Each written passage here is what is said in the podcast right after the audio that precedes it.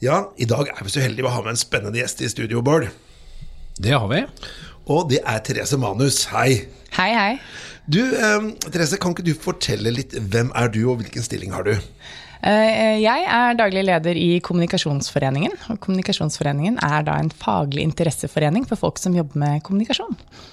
Men det er jo ganske mange som jobber med kommunikasjon ute. da. Er det de som jobber i byrå, eller aviser, eller inhouse, eller hva er det som hovedmedlemsgruppen din? Eh, De jobber egentlig alle mulige steder, men altså ikke journalister, men kommunikasjonsfolk, så det man i gamle dager kalte info, informasjonsmedarbeidere. Nå jobber de veldig bredt, så det kan være eh, det, kan, det er folk som jobber i PR-byråer, eh, internt i private og offentlige virksomheter, store, små, så alt fra fra Nav og departementene til eh, store og mellom, altså og bitte små virksomheter. Men det er en ganske voksende bransje, antar jeg? Det er jo myten der ute, da. Ja. Eh, Vi hadde Allerede det var- her kommer ikke sant? Det var en veldig voksende bransje på, fra 2000 og frem til 2013 i hvert fall, da vi hadde den digitale utviklingen i samfunnet generelt. Eh, Da ble også kommunikasjon plutselig et veldig viktig verktøy, for kommunikasjon ble plutselig profesjonalisert. eh, I tillegg til at man skulle være til stede der folk var, og brukerne og borgerne var til enhver tid, og svare dem i deres kanaler. Så det er klart at på, i løpet av de 10-15 årene der, så måtte man oppbemanne noe voldsomt for å klare å løse disse oppgavene. Eh, Men de senere årene så har ikke vi sett den samme veksten i bransjen. Eh, Så det er ganske sånn jevnt med antall ledige stillinger Ja. i markedet. Så nå har man et, nådd på et eh, stabilt nivå. Jeg vil si det, ja. Hvor mange medlemmer er dere? Vi har ca. 4000 medlemmer, Ja. hvorav omtrent 58% er fra offentlig sektor. Ja. Og, men jeg har også med meg en annen her i studio. Det er Bård. Du er jo ansatt her i Meierhaugen. Kan ikke du bare si kort eh, hvem du er, eh, så lytterne kan bli bedre kjent med deg? Ja, jeg har jo jobba som journalist og redaktør og daglig leder i mediebransjen. eh, Helt til eh, i år, faktisk. Eh, Og begynte som journalist som 14-åring i lokalavis i Horten. Så jeg har, Hva heter avisa der, da? Gjengangeren. Gjengangeren, selvfølgelig. Eh, og, så jeg har hatt eh, det aller meste av mitt liv i mediebransjen. Ja. Spennende. Så det kan bli en god diskusjon eh, oss tre imellom, da. Men vi eh, er jo samlet her også for å prate om et eh, tema, og det er jo da trender innen rekruttering til eh, kommunikasjonsbransjen. Og eh, hva slags trender tror du vi har der, Bård?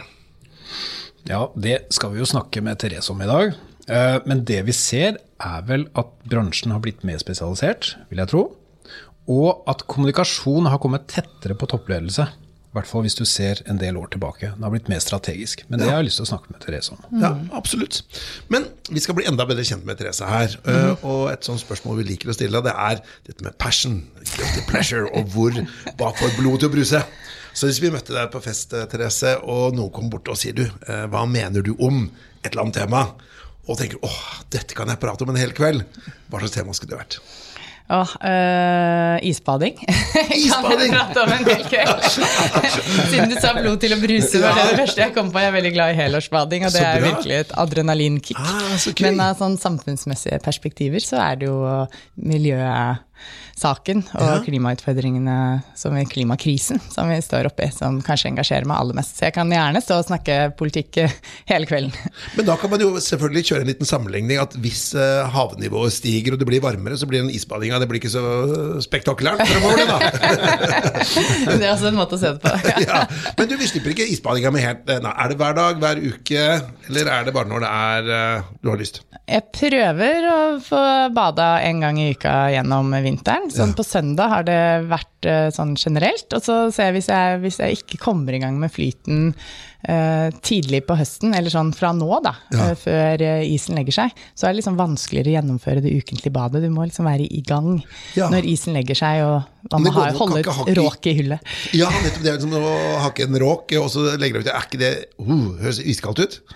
Eh, Det er jo det, så det viktigste er å puste. Eh, Ja. Man må ha på ullsokker, ja. lue, og så puste, eh, rett og slett. Og det som er så sykt deilig da, er at da glemmer man alt annet, fordi man bare konser på å puste jevnt og rolig mens man er ute i vannet. Og overleve. Uh, ja, eller det gjør man jo. og så er det å få på seg varmt tøy med en gang man kommer opp. Stå, vi ja. står på sånn sitteunderlag så vi ikke skal bli for kalde på føttene. Ja. Varme ullsokker er det første som må på etterpå. Ja. Og så er det deilig med kaffe og blod bruser. Altså, det, er sånn indre varmefølelse i etterkant. Ja, så er, jeg kjører ikke ned bratte fjellsider, jeg isbader. Jeg syns det er modig. Ja.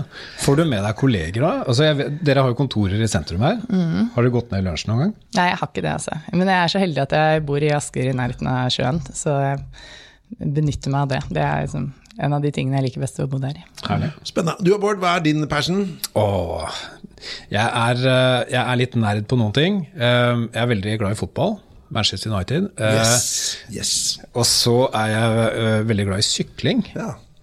Både å sykle selv og i sykkelsport. Og så er jeg veldig glad i musikk, og jeg spiller gitar i band. Så uh, det kan jeg snakke mye om. Musikk. Ja, musikk kan jeg også snakke mye om. Veldig glad i. Ja, Kanskje vi skulle lagd en musikkpod her, da, så kunne dere vært gjester. Ok, Men du, da vi bli bedre kjent med gjestene våre. Eh, tenkte vi skulle gå litt over til dagens tema, og det er jo trender innen rekruttering til kommunikasjonsbransjen. Men først har jeg lyst til å bare høre litt om sånn um, Kommunikasjonsforeningen. Du var jo litt inne på liksom hva dere driver med, men hva vil du si er sånn visjonen deres da, hvis du hadde lykkes i den jobben du har, da, for du er jo toppleder der. Mm. Hvis du skal si sånn fem år fram i tid, du tenker åh, dette har jeg lykkes med, eller hvis jeg lykkes med i hvert fall det, da har jeg liksom klart mandatet mitt. Hva skulle det vært? Altså, visjonen vår er faktisk at vi skal samle Kommunikasjons-Norge. Oh, ja. Så hvis vi eh, om fem år da, har klart i enda større grad å samle foreningen, eh, nei, samle folk eh, som jobber med kommunikasjon i foreningen, at øh, at de føler at vi har et tilbud til dem, uansett om, som det vi kommer sikkert mer inn på, at uh, jobben blir kanskje mer spesialisert og fragmentert, at det er større forskjeller avhengig av hvor du jobber og i hvilken stilling. Mens vi klarer å ha et relevant kompetansetilbud til dem, uh, til uh, en stor gruppe av kommunikasjonsfolk der ute, og samler dem i både sosiale og faglige på sosiale faglige arrangementer, så er jeg superstolt og fornøyd. Da har ja. vi gjort det. Og en annen veldig viktig ting, og det er at vi bidrar til klarer å få et enda mer åpent samfunn. Og at kommunikatørens rolle i etikk og åpenhetsspørsmål blir eh, enda større enn den er i dag, og at de blir lyttet til i enda større grad. Bra. Du treffer veldig på tidsånden da, i forhold til hva dere gjør. Mm. Så da heier vi på dere. Ok, eh, Hva vil du si er, eh, hva, hva skjer i bransjen? da? Hvis du skulle trekke opp noen linjer i kommunikasjonsbransjen, hva, hva er det som skjer for noe? Vi har, um, Det er kanskje to retninger som utpeker seg nå. og Den ene går mot en mye sterkere samordning mot markedsføring. Uh, at man jobber Så det er kunden, brukeren, uh, innbyggeren som vi snakker til. Og i hvert fall da i privat sektor så er det jo veldig mye av kommunikasjonen er jo også markedsrettet. Man, kom, altså man har kontakt med, med, brukerne og kundene sine i, i sosiale kanaler og annet som, uh, som, Det er jo ikke bare kommunikasjonsfolk som bruker det, men også markedsføring. og med innholdsmarkedsføring som kom for noen år siden. Så vi har sett en, en trend ved at en del uh, avdelinger samordnes uh, på den siden, med en felles uh, leder for kommunikasjon og marked.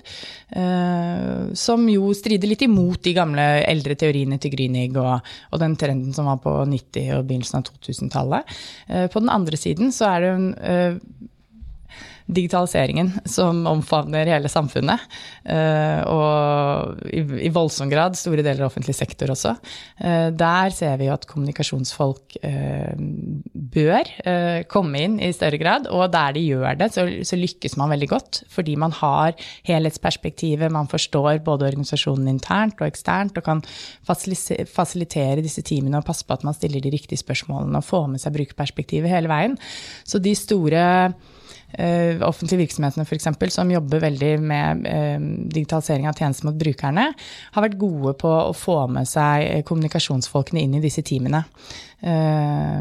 Så man jobber ikke på samme måte i én fast avdeling og med de samme kollegaene, men mye mer sånn på tvers. Og det er vel en trend i arbeidslivet sånn generelt, men, men hvor det er helt tydelig at det, det også er viktig for kommunikasjonsjobbene fremover. Du, har jo vært, du kommer jo selv fra uh, en jobb som journalist eller mm. redaktør. Uh, så du har, vært, har, jobbet med kommunikasjon i ti år, er det riktig? Eh, ja. Jeg, kom, var i Nasjonalbiblioteket som leder for, i formidlingsavdelingen imellom, men ja. ja kan, du, kan, du, beskrive litt hvordan rollene har utvikla seg gjennom de ti årene? Kommunikasjonsrollen? Ja. Ja, det, det, var nok tydeligere sånn ansvarsfordeling, muligens. Uh, uh, før man begynte med veldig mange digitaliseringsprosesser og, og, brukte sosiale medier til noe annet enn å være sosiale seg imellom. Um, så um, det, interessante jeg ser samtidig, da, er at veldig mange av de samme oppgavene når vi spør våre medlemmer, er de samme som de var. De jobber med veldig mye av det samme. De jobber med internkommunikasjon, de jobber med rådgivning av ledelse, de jobber med, uh, med innhold, um, mediekontakt. Men type innhold har endret seg, f.eks. Nå jobber man mye mer med med video, altså videoer og podkaster, sånne ting. Eh, bilder, det visuelle, enn man gjorde før. Før var det mye mer tekst eh, på innholdssiden, da. Eh, og så har vi jo sett oss at man får den strategiske posisjonen. Men der tror jeg det er veldig viktig at man fortsetter um, å være strategisk. Altså man må ikke Man må passe på at man er med på å heve kompetansen sin innenfor den, de felter hvor virksomhetene trenger å utvikle seg, og den, de endringene vi står oppe i samfunnet. Fordi um, hvis ikke, så står man i fare for å bli liksom redusert til referatskriveren igjen. Da. Så man må henge med for å beholde den strategiske posisjonen.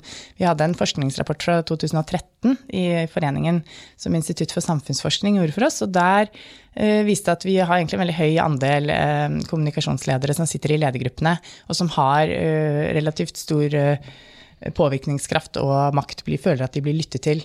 Eh, større enn i våre, søster, nei, våre naboland i Norden, f.eks. Men hvis man ikke nå passer på å følge med på, da, den, eh, på digitaliseringsutviklingen og den nye teknologien, så står man i fare for å kanskje miste den strategiske posisjonen.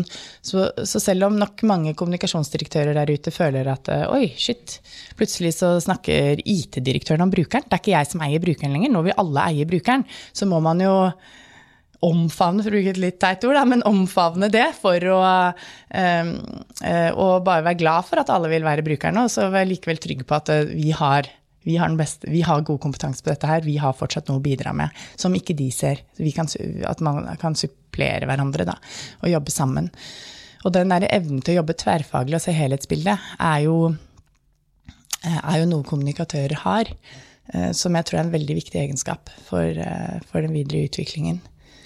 Noe annet som har skjedd de siste ti åra, er jo at nå kommuniserer jo alle. Tidligere så var det uh, Så leste man i avisene, mm. uh, og så leste man pressemeldinger. Men nå er jo på en måte alle aktører er jo kommunikatører. Mm. Så vi skal jo snakke om rekruttering i dag. Hvor kommer disse kandidatene inn til disse jobbene ifra? Har de fleste bakgrunn som journalist, sånn som du og jeg, eller er de mer spesialisert nå? Eh, det har eh, vært en kraftig økning da, de siste 10-15 åra på de som har eh, kommunikasjonsfaglig bakgrunn. Nå, i hvert fall i våre medlemsundersøkelser, så er det også godt over 50% som sier at de har studert noe innen kommunikasjon, i tillegg til ofte andre bakgrunner. Da. Så det er veldig avhengig av hvilken stilling du skal rekruttere til. Hvis du skal rekruttere en pressekontakt, så vil man kanskje fortsatt ønske en med journalistisk bakgrunn i, i grunn, fordi man forstår hvordan mediene fungerer. Uh, mens hvis du skal være en, uh, en strategisk rådgiver for lederen din, så er det kanskje fint at du har bakgrunn innen endringskommunikasjon og kan mye om de interne prosessene i tillegg til hvordan sånn, samfunn og området rundt fungerer. Så her er det jeg vil si veldig mange ulike utdannings- og fagbakgrunner som passer inn, men du må jo ha en grunnforståelse for faget. Og det å bare være journalist, f.eks., er jo ikke nødvendigvis nok for å gjøre en god jobb som en kommunikasjonsrådgiver. Um, så uh, noe faglig påfyll der på hva annet av teorier og verktøy og faglig fundament som ligger til grunn for kommunikasjonsfaget. Da. Men her har vi da pratet litt om, om hva skal jeg si, fagbakgrunn, da, men hva mm. slags personlige egenskaper, hva slags sånn hva er det du ser etter, hvis du skulle tatt den ideelle kommunikasjonsmedarbeideren, da? Eh, hva slags personlige egenskaper bør den personen ha? Man bør være god til å lytte, god til å forstå omgivelsene og, og, analysere dem for å se hvordan man skal nå ut på den. Eh, nå ut til de ulike målgruppene. Da. Du må jo alltid se for deg hvem er det vi snakker til, hvordan skal vi forme budskapet for å nå de vi snakker til på en best mulig måte. Og, og hvis du ikke klarer å se utover det, og være interessert i omgivelsene og menneskene rundt deg, så vil du jo kanskje ikke klare å analysere det på en god måte. Så vi har en tendens til å tenke at, eh, er, at det stort sett er ekstroverte mennesker som jobber med kommunikasjon, men jeg mener også at de introverte har en, eh, har en god eh, en god funksjon i den rollen. Da. Nettopp fordi at de lytteegenskapene er så viktige. Så man må være litt sånn analytiske evner og og eh, være en, eh, en, en, som er god til å samarbeide. Eh, og en god rådgiver, da. Ja. Ja. Integritet og sånn, er det noe Det er viktig. Det er jo ikke ja. noe vi kan lære noen. Jo, den integriteten sitter du jo i, i, altså sitter du med selv. Så vi som forening jobber mye med å ha kurs for å heve kompetansen på ulike felt. Men å være profesjonell og ha den personlige integriteten er viktig. Men der ligger etikken til bunn. Eh, og, eh, og det som eh, det vel er en unison enighet om nå, er jo at åpenhet er viktig, en viktig verdi. Eh, økt åpenhet. Så der mener jeg også at vi har beveget oss i riktig retning, sånn jeg ser det, da, de siste, de siste årene. Så er det jo alltid at det skal passe, det skal klaffe kjemien. Liksom, så det er veldig vanskelig å gi et sånn fasitsvar på hvilke mennesker er det man ser etter. Og det er så mange ulike jobber der ute også, som må egne deg, deg de forskjellige. Men sånn kompetansemessig er det jo det som er få av, men som det nok er etterspurt en del er jo den å både ha frontend-kunnskapen og eh, altså kunne litt kode og kunne, kundekommunikasjonsfaget. Ja, da, da, tenker jeg frontend og backend. Er en gang, ja. en gang programmering og sånn. Ja. Ja. Så, ja. Jeg vet at det er noen som har prøvd å finne den, altså den kombinasjonen da, av kommunikatører som også har frontend-kompetanse, sånn at de faktisk skjønner, altså at de forstår brukeren når de sitter og, og programmerer det, det, som treffer dem. Det er jo veldig få. UX-designere, f.eks. Ja, de det, user eh, experience. Ja, Men de er det jo veldig få av, så det er jo ikke et mål at vi alle ender der. Men det at du forstår hva utviklerne snakker om, at du klarer å kommunisere med dem, at du forstår Eh, språket deres, eh, og, og, kan formidle selv hvor, hva du mener er viktig i disse prosessene, sånn at man faktisk kan bidra i sånn team da, på en likeverdig og god måte, selv om det ikke er du som sitter og koder selv. For det skal du ikke, du skal jo det kommunikasjonsfaglig. Men det å forstå språket, det er viktig. Og algoritmene, og der er jo en ny oppgave for kommunikatører fremover. Da. Eh, det er jo etikken i algoritmene. Eh, fordi eh, vi kan jo én ting Det var et godt begrep. Etikken i uh, algoritmene. det, er, det er liksom litt sånn der uh, oh, det var dagens høydepunkt for meg. Ja, det var det. Det, det er godt jeg er usikker på om det var det for meg. men, men, ja. men, tenker du, er det dette som altså Hvis du ser litt framover, hva slags type roller er det som vil bli etterspurt, og som du ser at selskapene ser etter? Nå, og som du tror er det noen trender hvis du ser litt framover?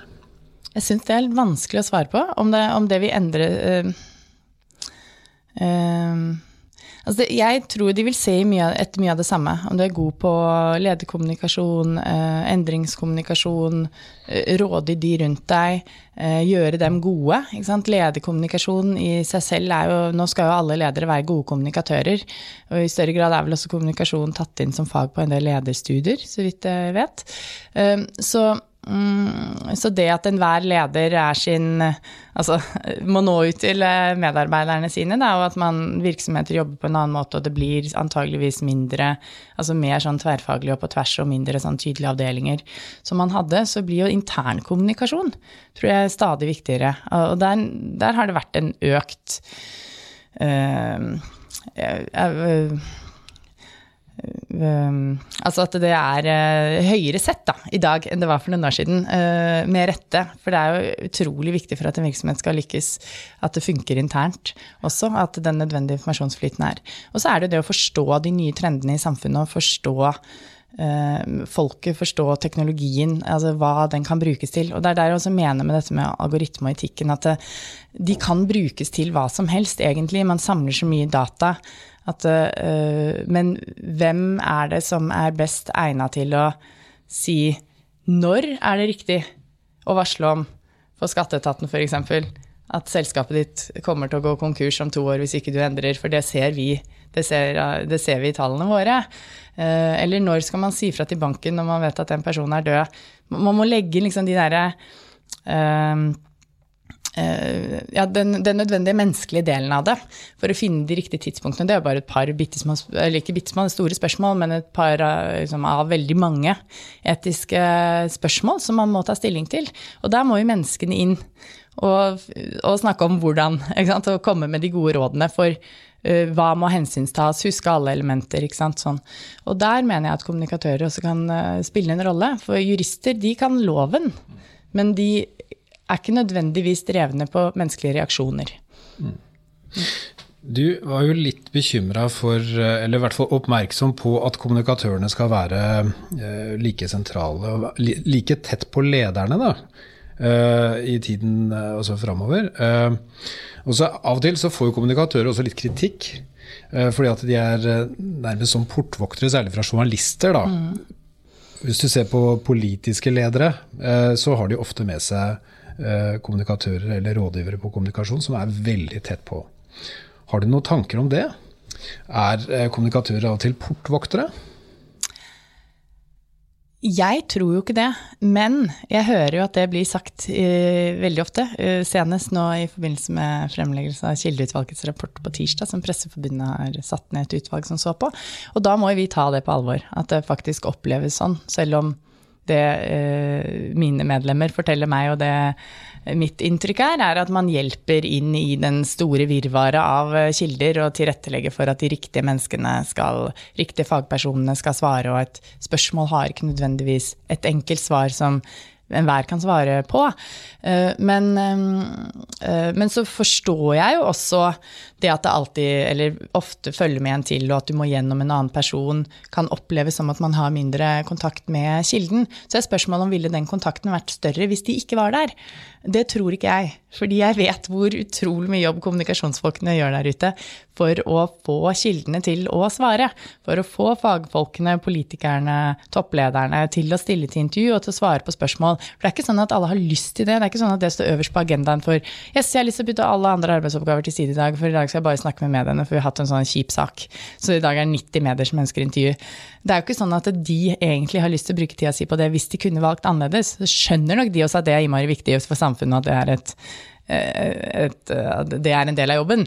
Eh, men det at kommunikasjonsfolkene er der og hele tiden minner på at vi må svare, vi må forholde oss til tidsfrister, dette må du prioritere, og kan hjelpe å finne, hente inn fakta, da. For det er veldig mye av den jobben de også gjør, er å hjelpe å hente inn fakta. Både til journalister, men også de som skal svare på spørsmål. For det er jo ikke alltid sånn at en leder sitter med alle faktaene i en sak og kan svare på det på stående fot.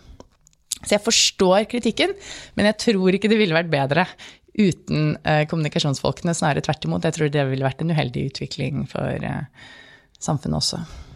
Men hvis vi skal se på dette med rekruttering, da. Eh, er det stor mangel på gode eh, vi si, kommunikasjonsfolk der ute? Er det, er det mange ledige stillinger, eller er det stor arbeidsledighet? Det er ikke bare bare å få seg en ny jobb eller å komme inn i den første kommunikasjonsjobben. Det er ganske mange godt, øh, godt med stillinger og god, god, utskiftning, øh, så det er mye å søke på. Men det er veldig mange søkere også. Ja. Eh, og det har nok òg en sammenheng. altså Man ser det jo hver gang det er nedbemanning også i noen mediehus, at da øker jo bunken søkere. Eh, og så er det andre bransjer som fortsatt tenker at de kan gjøre en kommunikasjonsjobb, så de kommer ja. kommer fra andre steder. Da vil jeg slå et slag for å annonsere hos oss, da, for lederstillinger. Ja, for, for da egen... treffer man jo rett på målgruppen, og slipper alt det støyet som man får på Finn, kanskje. ikke sant? Så hvis man da har en ledig uh, stilling, så å kontakte dere, det er en god idé? Ja, ja. Så det var nå pausereklameslaget. det kan vi gjøre. Men hvis du skal gi noen tips, da. La oss si at du, du er en bedrift der ute, da. Offentlig eller privat. sånn at tenker, å, vi burde hatt uh, en, enten den første på kommunikasjon, mm. eller at vi da skal få en ny person person inn. Eh, og Da tenker jeg ikke nødvendigvis hvor du skal annonsere, men hva slags sånn, eh, hva er tips og råd i forhold til å lage en kravspesifikasjon? Hva skal du se etter? Hvordan skal du liksom, hva, hva, hva, bør, Hvordan bør du gå fram? Jeg tror at Man må tenke hva, hvilke egenskaper trenger jeg i denne jobben. Eh, kanskje ikke være altfor spesifikk på oppgaven som skal løses heller, men ha um, altså selvfølgelig være tydelig på hvilke oppgaver som må løses, men òg hensynta at det er jo kanskje, du finner kanskje ikke den kandidaten som passer rett inn der, men at man kan bruke den kandidaten man ender på på en best mulig måte også, av hensyn til oppgaver. Uh, og, mm, og, finne ut hva er liksom de viktigste mm, personlige egenskapene som vi er på jakt etter. For det som skiller til syvende og sist, er jo veldig ofte de personlige egenskapene. Og hvordan man passer inn i det kollegiumet, og hvilken kjemi man har. Fordi det er veldig mange med den samme eh, fagbakgrunnen bare fra ulike selskaper eh, som det kan være vanskelig å skille. Da, på, eh, så det å, å, være Og for de som søker, så må de jo liksom være veldig presise på, på, hva de kan, tror jeg, i søknadene sine. Eh, ikke bruke altfor mye tid på oppramsing. Eh, og så tror jeg for nyutdannede så er det kjempeviktig å være den klassiske, være engasjert. Altså har du Det er umulig å se liksom fra et vitnemål hvor alle stort sett har eh, B og tatt godt samme grad, og skille de hvem er egentlig best her, hvis ikke du eh, da kanskje har noe erfaring fra før. Og det kan være altså bare at du har giddet å ha en jobb ved siden av, eller engasjert deg frivillig i en eller annen forening, eller på andre måter, um, tror jeg eh, kan være avgjørende for å komme til intervju som den ferskingen. Spesielt hvis det ikke er akkurat nyutdannede man lyser ut etter i utgangspunktet. For det vi hører fra nyutdannede studenter, er at det er vanskelig å få den første jobben. Ja. Eh, og hvis man først har fått den, da kommer man seg videre. Og da er rådet, fordi Det er jo et spørsmål som vi får ganske ofte også fra studenter. Mm. Hvordan komme seg inn og få en jobb og prøve seg på kommunikasjon. Og ja. da er tipset ditt å få seg en erfaring, en eller annen jobberfaring, selv om det ikke er kommunikasjon, eller? Ja, faktisk. For det viser i hvert fall at du har stå-på-vilje. Det som også kjennetegner kommunikatører, er at de er på en måte litt poteter og, og øh, ja, og altså sånn der, du, altså skal du få en jobb, da, så, så bør du jo anses som en som er, eh, gidder å stå, stå på og, og er eh, som en positiv så ja til alle oppgaver, selv om, altså som nyutdannet, da, selv om kanskje ikke alle er like fagrelevante, eller, eller, du ikke anser som akkurat den retningen du vil ha innen faget. Og hvis du da har hatt andre jobber, så viser du i hvert fall en arbeidsvilje, da.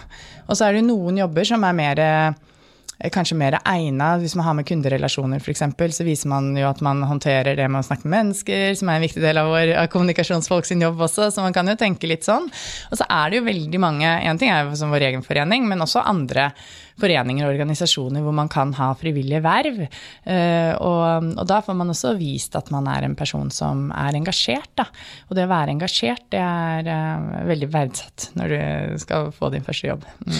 Vi, var, vi, vi, vi, var, på uh, en konferanse for to uker siden, Medie24s rekrutteringskonferanse. og der var jo et av temaene at de tradisjonelle mediene de kjemper om de beste hodene nå. Mm. Egentlig med alle.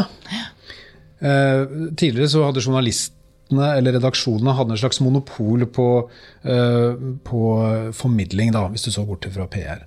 Men tenker dere sånn eh, at dere kjemper med de tradisjonelle mediene om de beste kommunikatørene? Jeg tror ikke det. jeg tror ikke det. Men vi gjør jo helt sikkert det. fordi de beste, de beste kommunikatørene kan jo også være de som har journalistisk bakgrunn. Og det er jo ikke sånn at mediehusene heller bare rekrutterer de som har, har journalistisk bakgrunn. Eh, så eh, jeg, jeg tror nok ganske mange av de unge også anser det som om ikke like jobber, men i hvert fall at de kan få gjort en samfunnsnytte om de jobber i en offentlig virksomhet eller om de jobber i et mediehus, og da er det den mest spennende jobben, da, som kanskje er det som teller viktigst. Så det er jo folk som studerer begge deler, som ender, ender, opp i ulike bransjer, tar jobber i ulike bransjer, men det opplever, altså man kjemper om de beste hodene, ja, men jeg tror nok mange opplever også å ha veldig sterke søkelister og gode, relativt lange søkelister da, til jobbene. Fordi Noe av det som slo meg når jeg snakka med unge mennesker der, det er jo at de var helt åpne for, eller en del av dem var helt åpne for om de ville jobbe i avis eller TV, eller jobbe med kommunikasjon. Mm.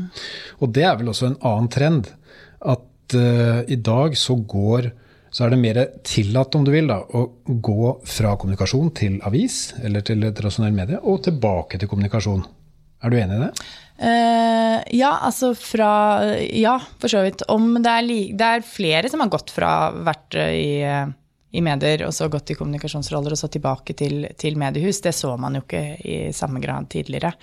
Um, det er nok allikevel enklere andre veien å gå mm. fra en, en mediestilling til uh, en kommunikasjonsstilling. Um, men uh, jeg syns det er bra da, at man ser på kompetansen folk har, og forståelsen for det de skal dekke, da, som, du, som journalist også. Altså, det er jo noe med hvis du har vært kommunikasjonsmedarbeider, så har du en annen forståelse for hvordan virksomheter fungerer internt. Du skjønner de du skal ha kontakt med også, som er kildene, som ofte går gjennom kommunikasjonsfolk. Da. Eh, så det trenger jo ikke være noe negativt. Du er jo ikke blitt skada i sjelen selv om du har jobbet for en virksomhet, at du representerer noen i jobben din. Eh, eh, så jeg mener jo at det er en veldig positiv egenskap som nok mange journalister ville hatt nytte av også. Og jeg har sett på det selv, jeg vet ikke hva du tenker, Bård, som har liksom endret bransje. men at uh, jeg har fått sånn nyvunnen respekt for mine gamle kilder etter at jeg ble uh, begynte å jobbe med noe annet. Fordi man ser jo at det å stå i en intervjusituasjon er jo ikke nødvendigvis veldig enkelt, og du har ikke nødvendigvis svar på alt med en gang. Og det er lett å bli stressa i den situasjonen hvis du ikke er en dreven kilde, da. Uh, og det perspektivet hadde det nok vært godt hadde nok mange hatt godt av å ha litt bedre forståelse for. Da. Ja, jeg er helt enig i at det er mye læring i å bytte perspektiv innimellom. Mm. Ja.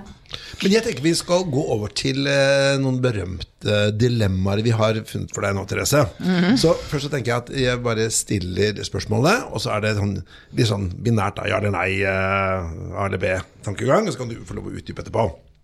Ok, Dette er rekrutteringsrelatert, da. Så uh, hvis du skulle rekruttert til deg selv, da, uh, og så har du da uh, på den ene siden er begge er kvalifiserte. da. Den ene er på en måte en nyutdannet kommunikasjonsstudent, veldig gode karakterer, men null erfaring. Eller en erfaren journalist som har masse erfaring, eh, men ikke nødvendigvis har de sterkeste på, liksom, oppdatert på det siste på fag og teknologi og sånn. Eh, ny eh, high potential eller eldre og erfaren. Ny high potential, men det handler jo også om organisasjonen jeg har, da. Ja, ikke sant? Hvorfor det?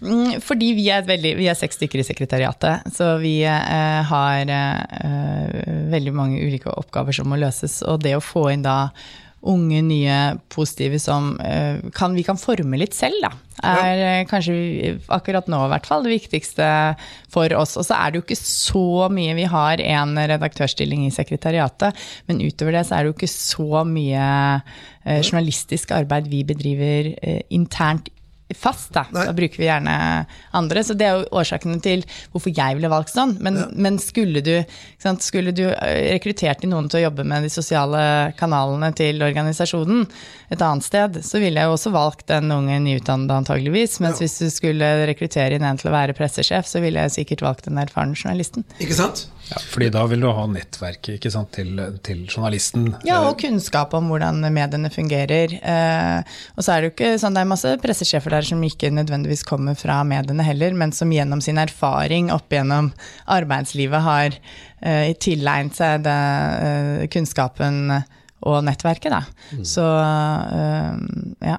Det er jo en fare hvis man rekrutterer for mye fra mediene. tenker jeg, Nå er jeg litt sånn ute på brennbart uh, område, kanskje. Men at det kan bli for um, mediefokusert, rett og slett. Fordi man tenker, kanskje jeg selv gjorde det også, så jeg skal ærlig innrømme det, at, at mediene er det viktigste. Mens i en kommunikasjonsrådgiverstilling så er det jo veldig mange andre deler av faget som egentlig er kanskje enda viktigere. Eh, så eh, det kommuniseres på mye bredere flater? Mye bredere flater, og det er jo en fare for at, vi, at selskapene også blir for medievridde, hvis man uh, blir, tenker bare på det. Hvis mediene alltid setter agendaen? Ja, og ja. hvis man har for mange folk med bakgrunn fra mediene, og for få med altså hvis, hvis, majoriteten av avdelingen har bakgrunn fra mediene og tenker at det er det viktigste, ja. og man ikke får inn den miksen at man har de som ikke har den bakgrunnen, men som ser de andre delene av faget da, ja. og oppgavene. Så. Bra. Vi må gå over til neste dilemma, og det er to personer eh, som er eh, kvalifiserte, de også. Men la oss si at her jobber du ikke i din egen bedrift nå. Da. Nå jobber du la oss si et eh, departement eller en stor, stor privat bedrift. Vil du da hatt en person som da var veldig sterk på det faget, da, det de produserer, f.eks. hvis det var Finansdepartementet, da. Vil du hatt en person som da var samfunnsøkonom og veldig kunne faget veldig godt? Eh, men kanskje ikke så god på det kommunikasjonsfaglige? Eller ville du hatt en som var veldig sterk på det kommunikasjonsfaglige, men var, kunne ingenting om, om, det som de tross alt skulle kommunisere om, da? Ville nok valgt en som var sterk på det kommunikasjonsfaglige, inn i en kommunikasjonsfaglig stilling. Ja. Eh, Så er det jo alltid en fordel om du kan noe om faget du skal kommunisere. Og ikke minst må du tilegne deg den kunnskapen. Men det er jo ikke du som skal sitte med fagkunnskapen på det området. Det er det jo fagpersonene som er ansatt som det. Så hvis jeg hadde fått da en, eh, en, eh, en økonom da inn i, en, i Finansdepartementet, burde kanskje den personen heller jobbet et annet sted i, i, i departementet hvor man får brukt de egenskapene. Hvis ikke selvfølgelig, ikke? Men jeg tror jo heller ikke det, at en, eh, en fagperson innen ja, økonomi f.eks. Mm. ville søkt på en kommunikasjonsfaglig stilling hvis man ikke også hadde de evnene. Så det er jo et vanskelig dilemma, men du må ha det kommunikasjonsfaglige for å fungere i en stilling. Du kan ikke bare ha det, ha det faglige. Nei. Men det er vel også da, da må du også forvente en ganske bratt læringskurve. da. For må, jobben din blir jo lettere hvis du i hvert fall plukker opp det faglige, det som er kjerneproduktet til bedriften. Det må du plukke opp ganske raskt. Ja, og det ser man, ikke sant. Men så det blir, blir et litt sånn rart eksempel, fordi de eh, jobbene der har såpass mange søkere at eh, du finner, eh, finner folk i bunka som har, Som har begge som har deler. begge deler. Ja, nettopp. Så Men begge deler er det du har Begge etter. deler er det beste. Ja. Ok. Du, Neste og siste dilemma, den er litt på det liksom mer etiske plan. da. La oss si at du er kommunikasjonsdirektør i et stort norsk hva skal jeg si, børsnotert selskap. da.